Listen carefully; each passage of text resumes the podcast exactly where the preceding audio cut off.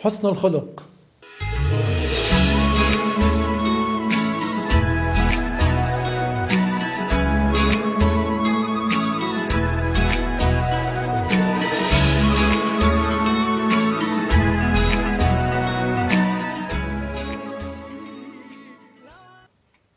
الحمد لله وصلى الله وسلم على سيدنا محمد وعلى اله وصحبه الطيبين الطاهرين. أما بعد فقد قال الله تعالى وإنك لعلى خلق عظيم. هو رسول الله صلى الله عليه وسلم. وهذه الآية في الكلام عن خلق نبينا محمد صلى الله عليه وسلم الذي قال أكمل المؤمنين إيمانا أحاسنهم أخلاقا. أكمل المؤمنين إيمانا أحاسنهم أخلاقا. وفي رواية أحسنهم خلقا. على حسب خلق الشخص يكون الشخص أكمل إيمانا. شو هو حسن الخلق؟ نسمع كثير عبارة حسن الخلق حسن الخلق. ما هو حسن الخلق؟ حسن الخلق له أركان. ثلاثة الأول أن نتحمل أذى الغير. أن نتحمل أذى الغير. اثنين أن نكف أذانا عن الغير. ثلاثة وأن نعمل عمل الخير. أن نعمل عمل المعروف. مع الذي يعرف لنا ومع الذي لا يعرف لنا. وهذا منه سهل على النفس. يعني بالموضوع الثالث كثير ناس بيقولوا أنا بعمل منيح مع الذي يقابلني بالإحسان.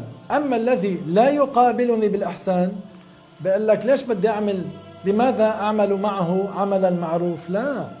المؤمن الكامل اللي عنده حسن خلق بيعمل عمل الخير مع مع الاثنين. مع الذي يقابله بالمثل ومع الذي لا يقابله بالمثل. حتى بعض الناس يقول إن تعرض لأذى من الغير بقول الآن لا أستطيع أن أرد له الإساءة بالإساءة.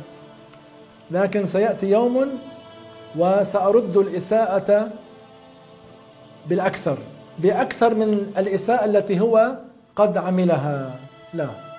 الرسول عليه الصلاة والسلام علمنا وحثنا وشجعنا على أن نتصف بحسن الخلق.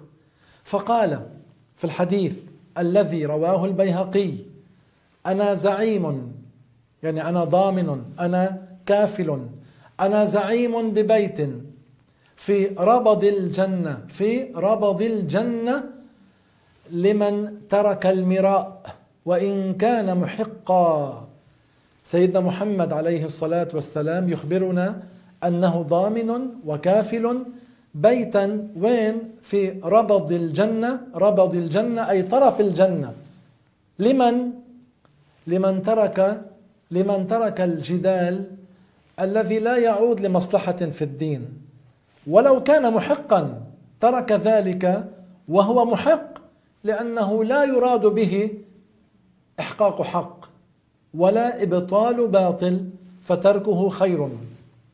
والأمر الثاني فقال عليه الصلاة والسلام وببيت في وسط الجنة لمن ترك الكذب وإن كان مازحا. سيدنا محمد عليه الصلاة والسلام ضامن وكافل بيتا. وين؟ في وسط الجنة. في دار السلام. السلام من كل تعب وآفة وشقاء. الرسول عليه الصلاة والسلام يحثنا على أن نترك الكذب.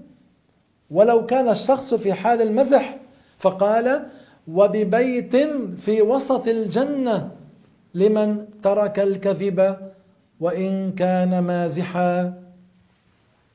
ثم قال وببيت في أعلى الجنة لمن حسن خلقه. يا سلام. وببيت في أعلى الجنة لمين؟ لمن حسن خلقه. مهم أن أعيد على المسامع ذكر أركان حسن الخلق أن نتحمل أذى الغير أن تكف أذاك أن نكف أذانا عن الغير أن نعمل عمل المعروف مع الذي يعرف لنا ومع الذي لا يعرف لنا. اللي بيسمع منا قصة سيدنا يوسف عليه السلام. ماذا فعل بإخوته بعد أن فعلوا به ما فعل؟ أليس رموه في الجب وقد سلمه الله تعالى؟ ثم بعد ثمانين سنة الله جمع الجميع ونبي الله يوسف يذكر ما فعلوه معه. كيف عاملهم؟ كيف عاملهم سيدنا يوسف؟ كان باستطاعته أن يرميهم في السجن. ما فعل؟ كيف عاملهم؟ ماذا قال لهم؟ لا تثريب عليكم اليوم سأستغفر لكم ربي. معناه أنتم اليوم حسنوا عملكم وأنا أدعو الله لكم. حسن الخلق.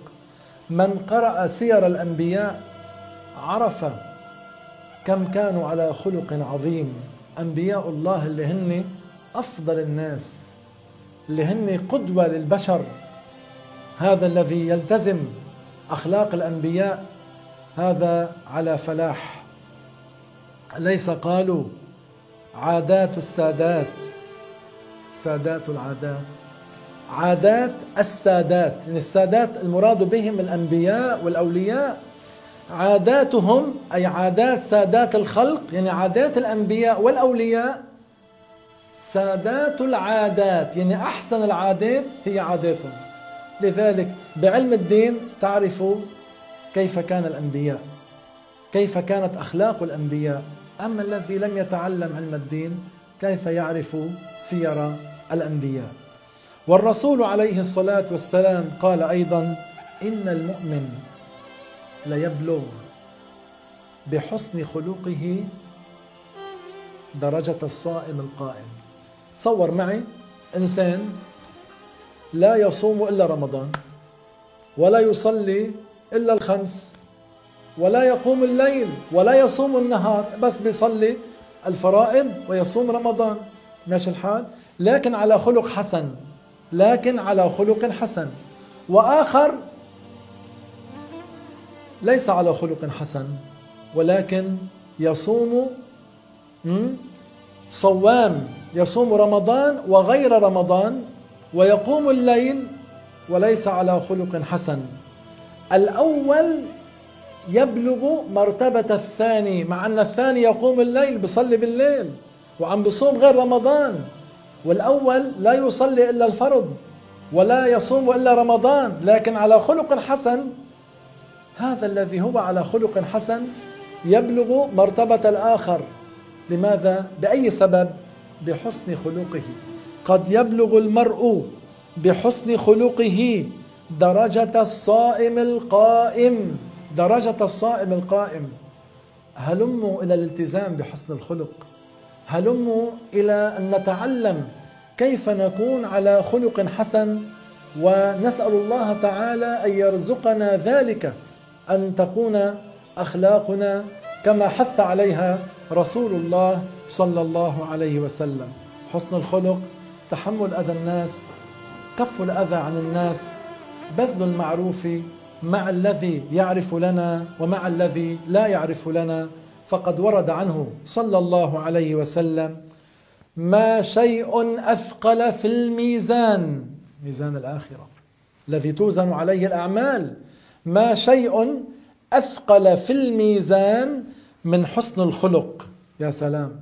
ما شيء أثقل في الميزان. في الآخرة كما تعرفون يوجد ميزان توزن عليه الأعمال.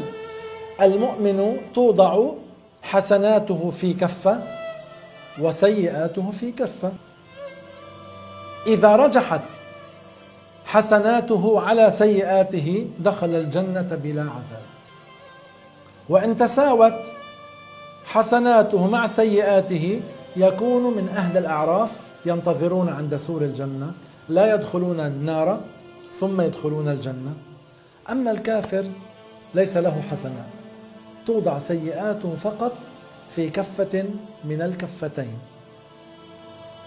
فالرسول عليه الصلاة والسلام يؤكد علينا حسن الخلق فقال ما شيء أثقل في الميزان من حسن الخلق. هلموا إلى الالتزام ونسأل الله تعالى أن يرزقنا حسن الخلق. إنه على ما نسأله قدير وبعباده لطيف خبير.